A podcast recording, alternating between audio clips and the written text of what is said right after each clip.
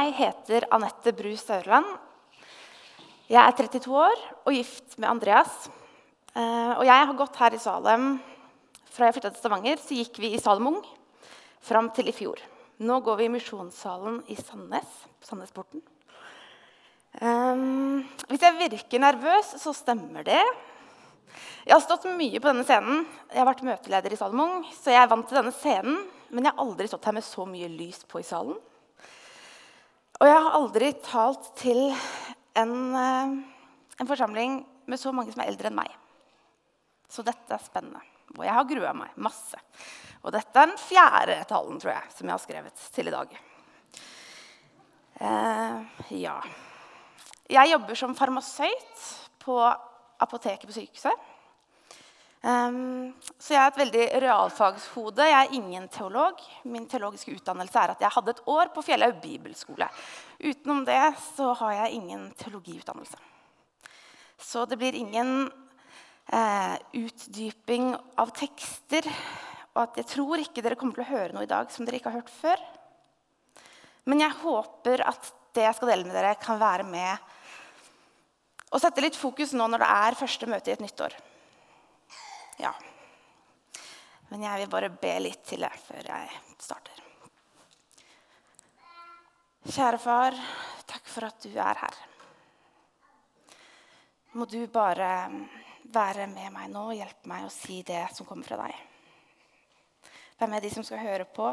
La dine sannheter feste seg, sånn at det er det de sitter igjen med. Ja.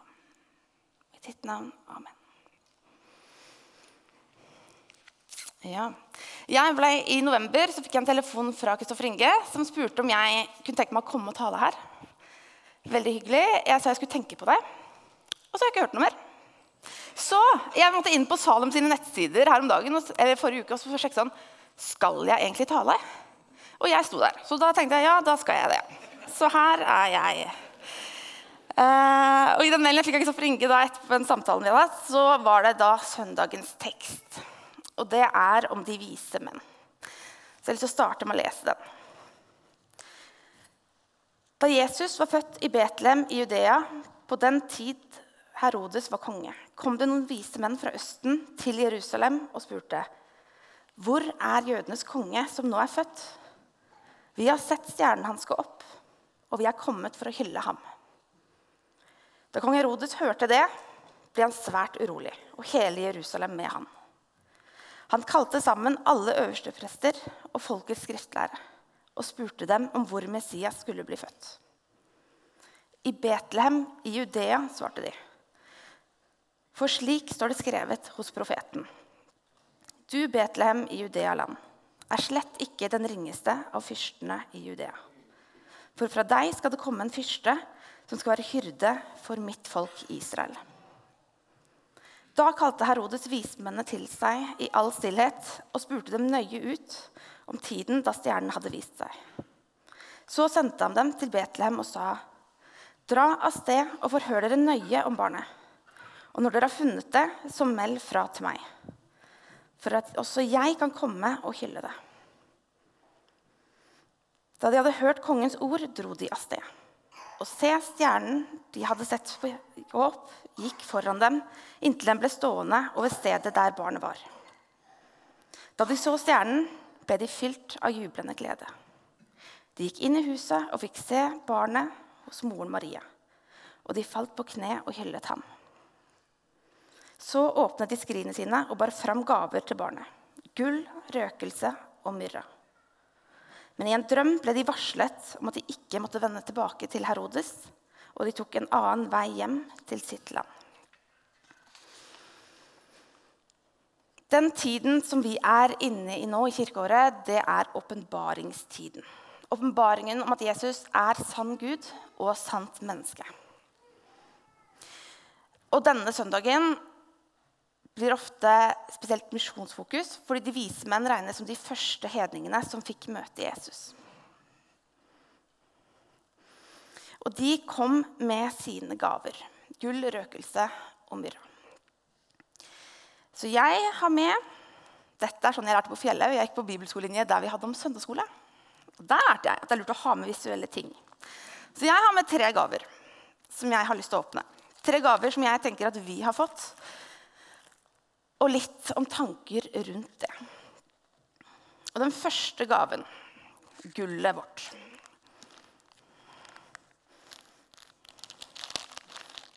Det Det er Bibelen. Guds ord. Vi som er her inne, vi har fått høre Guds ord.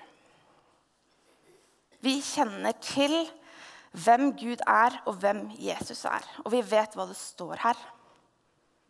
Og det er faktisk en stor gave.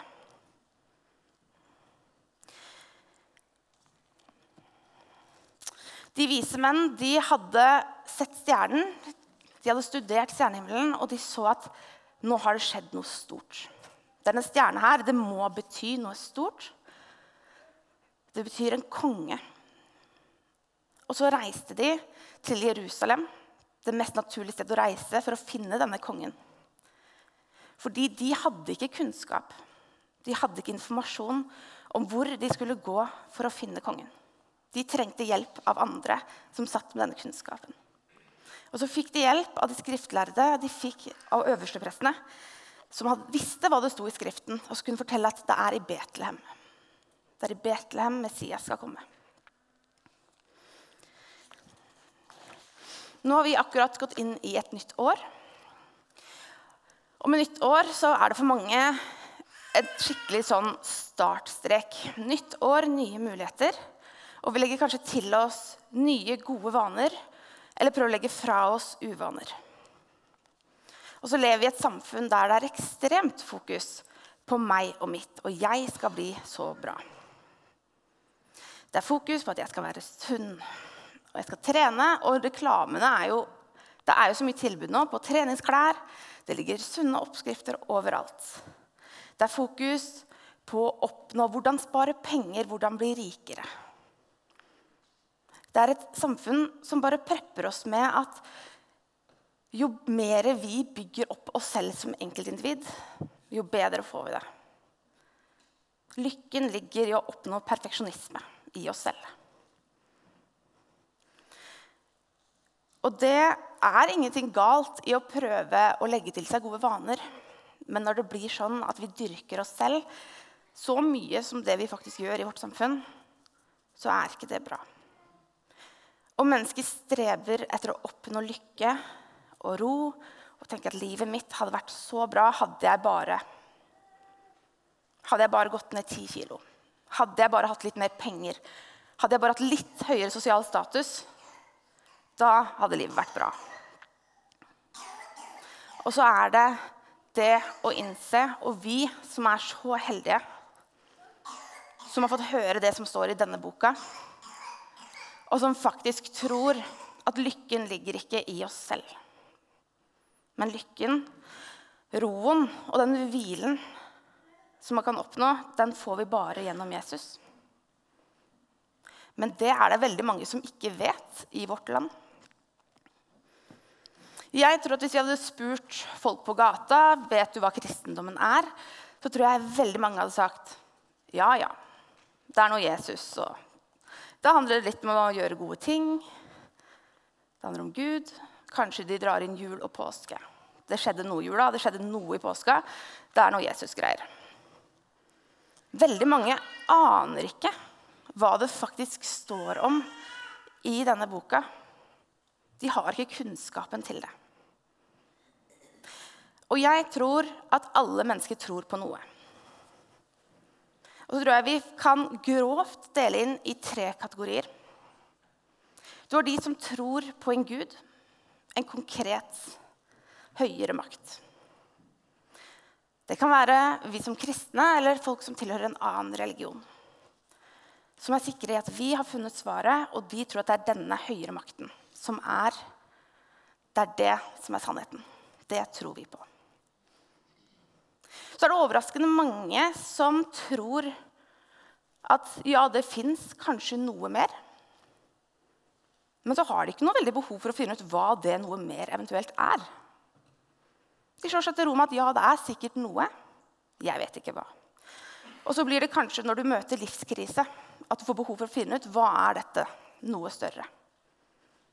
Men ganske mange går rundt og tenker ja, det kan godt hende det er noe mer. Men det plager ikke de nå. De, noe, de er ikke på jakt etter svaret heller på hva dette mer, noe mer er. Og så har du en gruppe som er veldig sikre på at det er ingenting mer. Alt kan måles, alt kan forklares med naturvitenskapen. Det er den gjengen jeg studerte med. I stor grad. Mye sånne naturfagsfoder. Og jeg tror når jeg studerte, så oppdaget jeg for første gang hvor utrolig heldig jeg er som faktisk vet hva det står i denne boka. Vi hadde en forelesning om enzymer på farmasi. Enzymer det er proteiner som fins i kroppen, og som får reaksjoner til å skje. De er med på å bryte ned maten vi spiser. Det er ett enzym. Så er det et annet enzym som er med på å hjelpe oss å kopiere DNA-et vårt, sånn at celler kan deles. Vi har ca. 3000 forskjellige enzymer i kroppen. Og de aller fleste av disse 3000 er livsviktige. Mangler du de, ett av disse, så kan det gjøre at ikke det ikke går an å leve. Må, du må ikke bare ha det, det må virke. Så etter denne forelesninga husker vi satt i kantina og snakka litt sammen om det vi hadde hørt. Og folk bare Wow! Flaks! Og så husker jeg tenkte sånn Går det an? Var vi på samme forelesning? går det an å sitte og høre om hvor Og dette er jo bare én av tingene som er med i menneskekroppen og får det til å virke. At vi kan leve. Det er jo mange andre faktorer òg. Tenk at det går an å tenke at et menneskekroppen som er så kompleks, så fantastisk Får du et sår, så kan kroppen lokke det såret og fikse og skape ny hud. Altså, det er så mange prosesser i vår kropp som jeg ble helt slått i bakken av når jeg lærte om det på studiet. Og det at det går an å sitte da i slutten og tenke flaks at alt dette stemmer. Da Å tenke at alle disse prosessene handler om utvikling i forhold til forholdene man er i. Over mange tusen år så har menneskekroppen bare utvikla seg sånn. Jeg syns det var veldig fascinerende å forstå at noen faktisk mener at en god dose flaks er det de tror på. Um, og det var da jeg første gang tenkte over at jeg er heldig som har fått høre om en annen sannhet enn dette. Og det Jeg vokste opp i en kristen familie. Jeg kan ikke huske at jeg noen gang har trodd på noe annet enn Jesus. Jeg er så heldig at jeg vokste opp med at det at Jesus er veien, sannheten og livet, det var like sant for meg som at det er 24 timer i døgnet. Men så er det så mange som ikke har hørt om det, og som ikke kan dette. De har ikke kunnskapen. Så vi som sitter her i dag, vi er ekstremt heldige som har fått gaven av å få høre Guds ord. Å få høre. Og ikke bare tro at vi vet, men vi kan faktisk lese det selv. Og vi tror ikke at kristendommen bare handler om noe, det å være god. Og at det er noe Gud og Jesus og noe sånt og noe påske. Som veldig mange av de rundt oss faktisk tror. For tenk å beregne, tenke at det er flaks at menneskekroppen funker som den gjør. Og så er det utrolig flaks at sola er akkurat sånn plassert i forhold til jorda at det akkurat passer varmt og kaldt, så det går an å leve her. Flaks.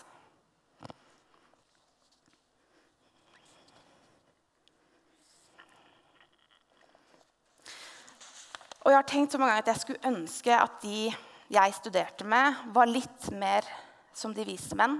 Som så, når de fikk også innblikk i hvor utrolig komplekst alt er, fikk ønske om å finne ut hva er bak dette. Her må det være noe mer.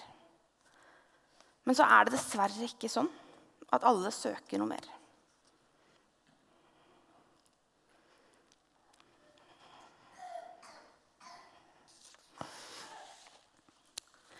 Vi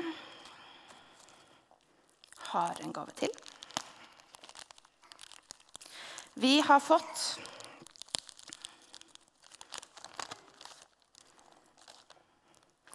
et statsborgerskap. Vi har det norske for så vidt òg, de fleste av oss, vil jeg tro. Men vi er så heldige at vi har fått en helt ny status på hvor vi hører til. Gjennom Jesus så har vi fått nåde, og vi har fått retten til å komme til himmelen. Vi leste trosbekjennelsen sammen i stad. Og det er en sånn som jeg i jevne mellomrom må bare ta meg og tenke Hva er det vi faktisk sier? Hva er det som ligger i den teksten? Jeg tror på Gud Fader, den allmektige himmelens og jordens skaper. Gud som har skapt alt. Som står bak alt, som er konge av universet. Allmektig ser alt, kan alt. Gud som er hellig. Når Gud skulle komme til toppen av Sinai-fjellet for å gi Moses de ti bud, så fikk folket beskjed om at de ikke måtte nærme seg foten av fjellet. For når den hellige, allmektige Gud skal komme ned til toppen av fjellet, så er ikke mennesket verdig å komme til bunnen, foten av fjellet. For Gud er hellig, så vi kan ikke nærme oss i oss selv. Det er et tydelig skille mellom Gud og mennesket. Jeg tror på Jesus Kristus, Guds enbårne sønn, vår Herre, som ble unnfanget ved Den hellige ånd, født av jomfru Maria pint under Pontius Pilatus, korsfestet, død og begravet. For ned til dødsriket og sto opp fra de døde tredje dag. For opp til himmelen og sitter ved Guds, den allmektige Faders høyre hånd. Og skal derfra komme igjen for å dømme levende og døde. Gud sendte sin sønn Jesus ned til oss. Det har vi jo akkurat feira i jula. Han kom ned. Ordet ble menneske og tok bolig iblant oss. Slo opp teltet sitt midt blant oss. Og han måtte dø for at du og jeg skal få komme til Gud. For i oss selv så kan ikke vi komme til bunnen av fjellet når Gud skal komme til toppen. Han døde og sto opp igjen og vant over døden. Og Så for han opp til himmelen, og så skal han komme tilbake igjen. For å dømme levende og døde. Og Når Bibelen forteller oss om at Jesus har kommet tilbake, så er det bare to utveier. Og vi som er her, vi er så heldige at vi har fått høre i Bibelen, og vi har fått motta tro, så vi vet hvor vi skal. For vi har et hjem i himmelen. Jeg tror på Den hellige ånd, en hellig allmenn kirke. De hellige samfunn, syndenes forlatelse, legemets oppstandelse og det evige liv. Vi tror på syndenes forlatelse på legemets oppstandelse og et evig liv. Og vi tror at det som avgjør hvor du skal tilbringe dette evige livet, det er faktisk om du har hørt og tatt imot Jesus. Det tror vi på.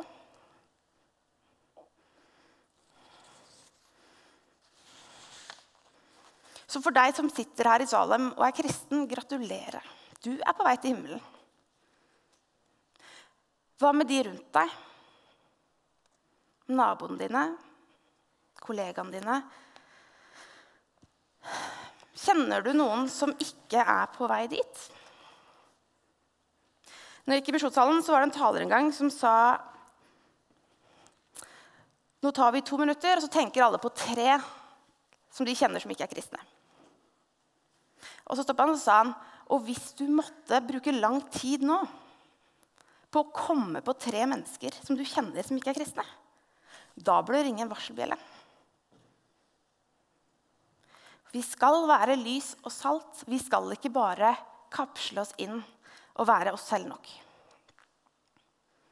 Det skal ikke være vanskelig å komme på relasjoner du har til mennesker som ikke kjenner Jesus.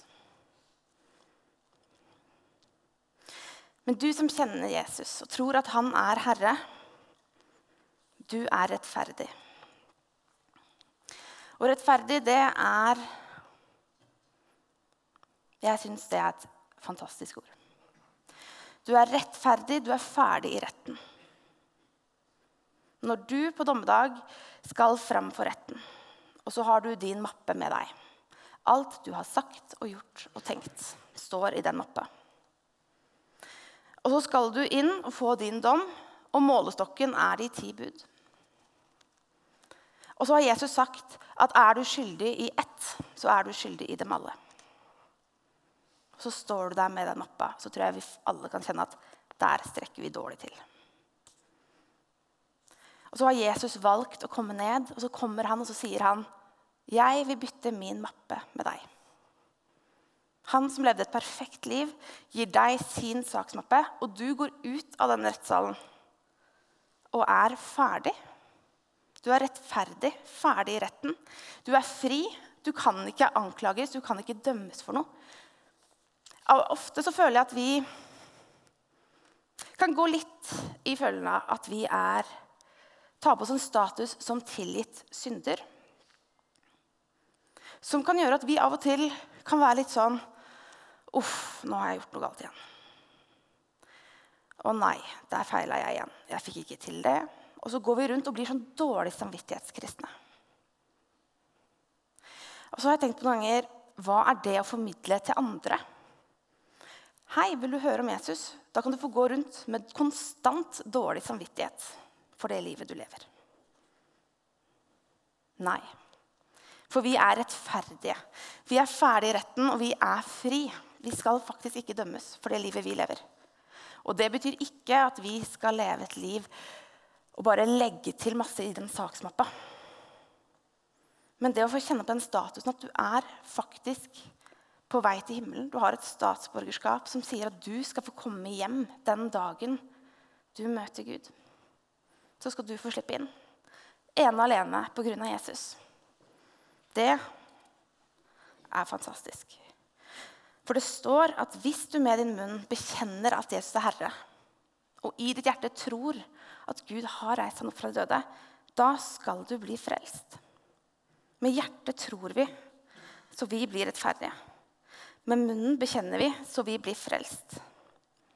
Skriften sier, 'Ingen som tror på Han, skal bli til skamme.'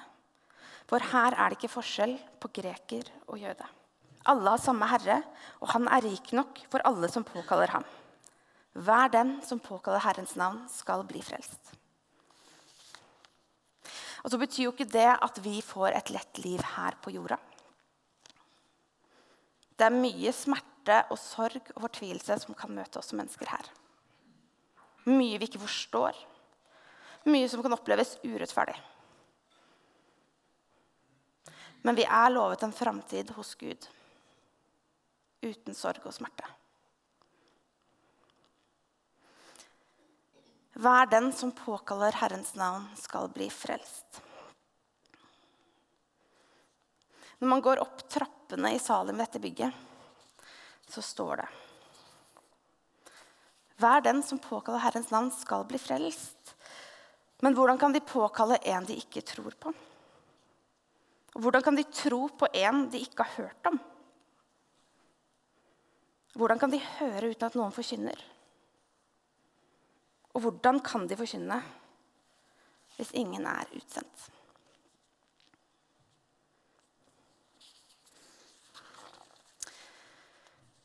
I den tredje gaven her Du som er på vei til himmelen, som har ditt på det rene, du har fått ditt nye statsborgerskap, og du vet hvor du skal.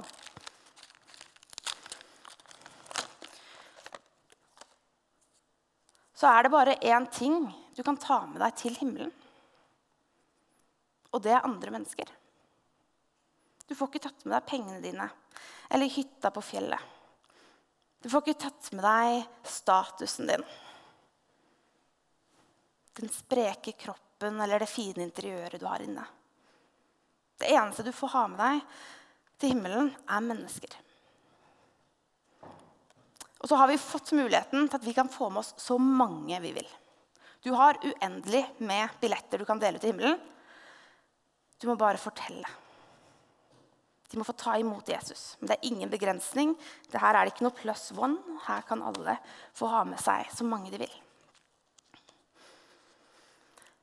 Og så er det noe som man tenker ja, vi vil jo ha med oss alle.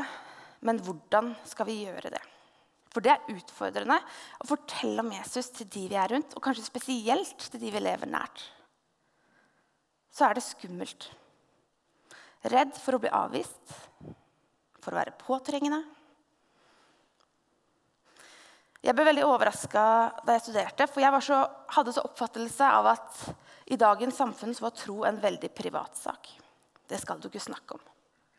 Så det trodde jeg når jeg møtte opp på Blindern. Og så oppdaga jeg at folk var jo kjempenysgjerrige på hva du tror på. Ikke at de nødvendigvis var ute etter å få en ny tro selv. Men de syntes det var megainteressant med mennesker som faktisk trodde på noe annet enn de selv gjorde. Masse spørsmål. Og jeg trodde de ikke ville høre. Men så tenkte jeg jeg skal i hvert fall være åpen om at jeg er kristen. Så fikk jeg et spørsmål ganske tidlig jeg møtte opp på Blindern en av de første dagene med krikkgenser. Så tenkte jeg at hvis det er noen andre kristne i klassen, så vil i hvert fall de skjønne tegninga. Det er ikke sikkert resten her vet hva det går i. Men så var det ei som kom og spurte meg. Å ja, er du kristen? Hvorfor er du det? Og jeg var så lite forberedt. Jeg hadde gått tre år på Kvitsund, ett år på Fjellhaug, levd et ganske godt isolert, beskytta liv i en kristenboble. Stå på Blindern, så klar, og så bare Ja, hvorfor er jeg kristen? Og så svarte jeg noe sånt som Nei, jeg vokste opp i en kristen familie, og pappa er prest. Ja. Og så sa hun sånn Ja, så du har levd sånn Seventh Heaven-liv? Det er kanskje ikke alle som har sett det. Seventh Heaven det er en amerikansk serie om en pastor og hans kone og hans barn som lever et veldig fint og harmonisk liv. og Så dukker det alt, hver episode opp en liten sånn utfordring, og så ender det opp med en moralpreken og noe godt på slutten. Veldig fin, koselig feel good-serie, men ikke, noe, ikke, så realistisk kanskje, i forhold til hvordan et vanlig liv er. Men et par år etterpå så hadde vi en serie i Misjonssalen der det var nettopp det her som var tema. Hvis du får spørsmålet 'Hvorfor er du kristen?', hva svarer du da? Og så ble det tatt opp én og én på hvert møte som en åpning som fikk spørsmålet. Med tre punkter forklar hvorfor du er kristen. Og det var ganske interessant. Har du prøvd å oppsummere på tre punkter hvorfor du er kristen? Jeg tror svaret på det kan endre seg mye gjennom livet og gjennom ulike faser. Men det å kunne svare godt på et sånt spørsmål når det først kommer, et ekte svar på hvorfor tror du, det tror jeg vil skape mulighet for å få videre samtale med den som spør. Å si 'pappa er prest', det er ikke en veldig sånn åpning for det. Da går du tilbake og tenker sånn 'Ja, du er hjernevaska. Fint'. Det var liksom ikke noe mer eh, det var ikke så mye med spørsmål. da. Det, det forklarte nok for henne. Men jeg vil utfordre til det å ta den øvelsen. Hvis du har en bibelgruppe eller en forening eller noen venner, still det spørsmålet til hverandre på tre punkter. Hvorfor er du kristen? Reflekter litt over det. Hva tror du på? Oppsummert i tre punkter. For hvis du får spørsmålet på butikken eller på bussen eller på lunsjrommet på jobb eller ved postkassene av naboen, så får du kanskje ikke tid til å begynne med Jo, du skjønner. I begynnelsen skapte Gud himmelen og jorden. Og så ta, La meg bare lese i grove trekk hele Bibelen for deg. Nei, folk er ikke nødvendigvis interessert, og de har ikke tid.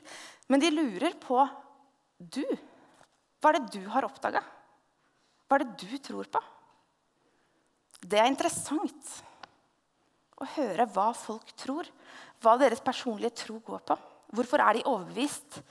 Hvorfor er du overbevist om at det ikke bare er flaks at menneskekroppen er som den er? Så jeg vil oppfordre til å ta den øvelsen. Tenk over tre punkter hvorfor er du kristen. Og så en annen ting.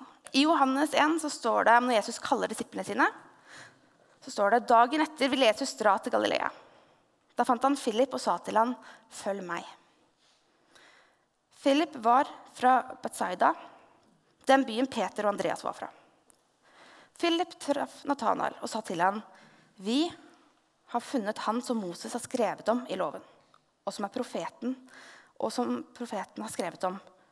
Det er Jesus fra Nasaret, Josefs sønn. Kan det komme noe godt fra Nasaret? sa Natanael. Philip svarte, 'Kom og se'. Kom og se.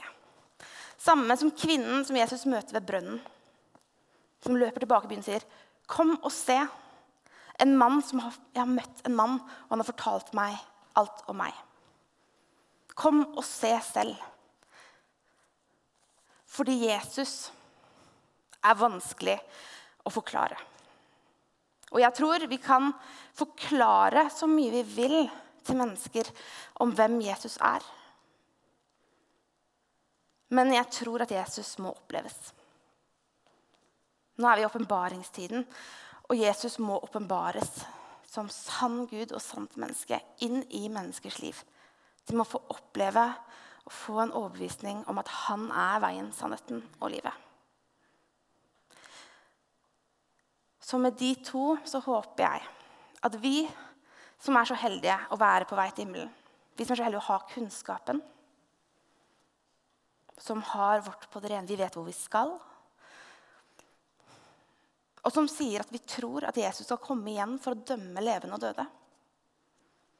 Jeg håper vi er forberedt på å gå inn i dette året og møte de rundt oss og være åpne og forberedt på hva hvis vi får spørsmål om hva vi tror. For det står om en evighet. Også for de menneskene så står det om en evighet og hvor de skal tilbringe den.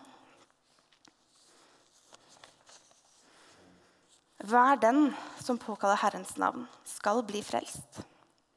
Men hvordan kan de påkalle en de ikke tror på? Hvordan kan de tro på en de ikke har hørt om? Hvordan kan de høre uten at noen forteller? Og hvordan kan de forkynne hvis de ikke er utsendt? Kjære far, jeg takker deg for at vi som er her, vi har fått høre. Vi er så heldige at vi Mange av oss har kanskje vokst opp med å få høre om deg fra vi var små. Men alle her har fått høre om deg. Og jeg takker deg for at vi har fått lov å ta imot deg. Vi har fått ta imot Jesus. Og med det så, vi, så er vi rettferdige på vei hjem til deg. Og far, jeg ber om at du skal hjelpe oss til å dele det videre med de rundt oss. Må du i 2023 lede oss inn i muligheter der vi kan få dele hva vi tror, og hvem du er. Må du hjelpe oss å være forberedt når de mulighetene dukker opp. Ber om at Salem skal få være en menighet med Guds ord i sentrum, der folk kommer inn fordi de er nysgjerrige. At de er som vismenn som ser at det er noe. De har ikke svaret helt på hva. De vet ikke helt hvor. Så ber jeg om at de skal få komme hit for å søke svar. Hjelp oss å få en nød for de rundt oss som ikke tror på deg. Og ta inn over oss hva det faktisk betyr at vi har vårt på det rene, men det har ikke de. Vi hjelper oss å ikke bli passive og tenke at ja, ja, alle kan velge sitt. Men hjelp oss å virkelig forstå at du sa 'gå ut og gjør alle folkeslag til mine disipler'. Og nordmenn er også et folkeslag. Kjære far, jeg legger dette året i dine hender og bare ber om at du skal bruke dette året til å skape muligheter. At vi vi som din menighet, som din kirke, skal vokse i dette året. Jeg er ikke i tvil om at det er mange mennesker som søker noe mer, og som trenger, trenger svar. Må du hjelpe oss å kunne være med å gi de svarene. I ditt navn, far. Amen.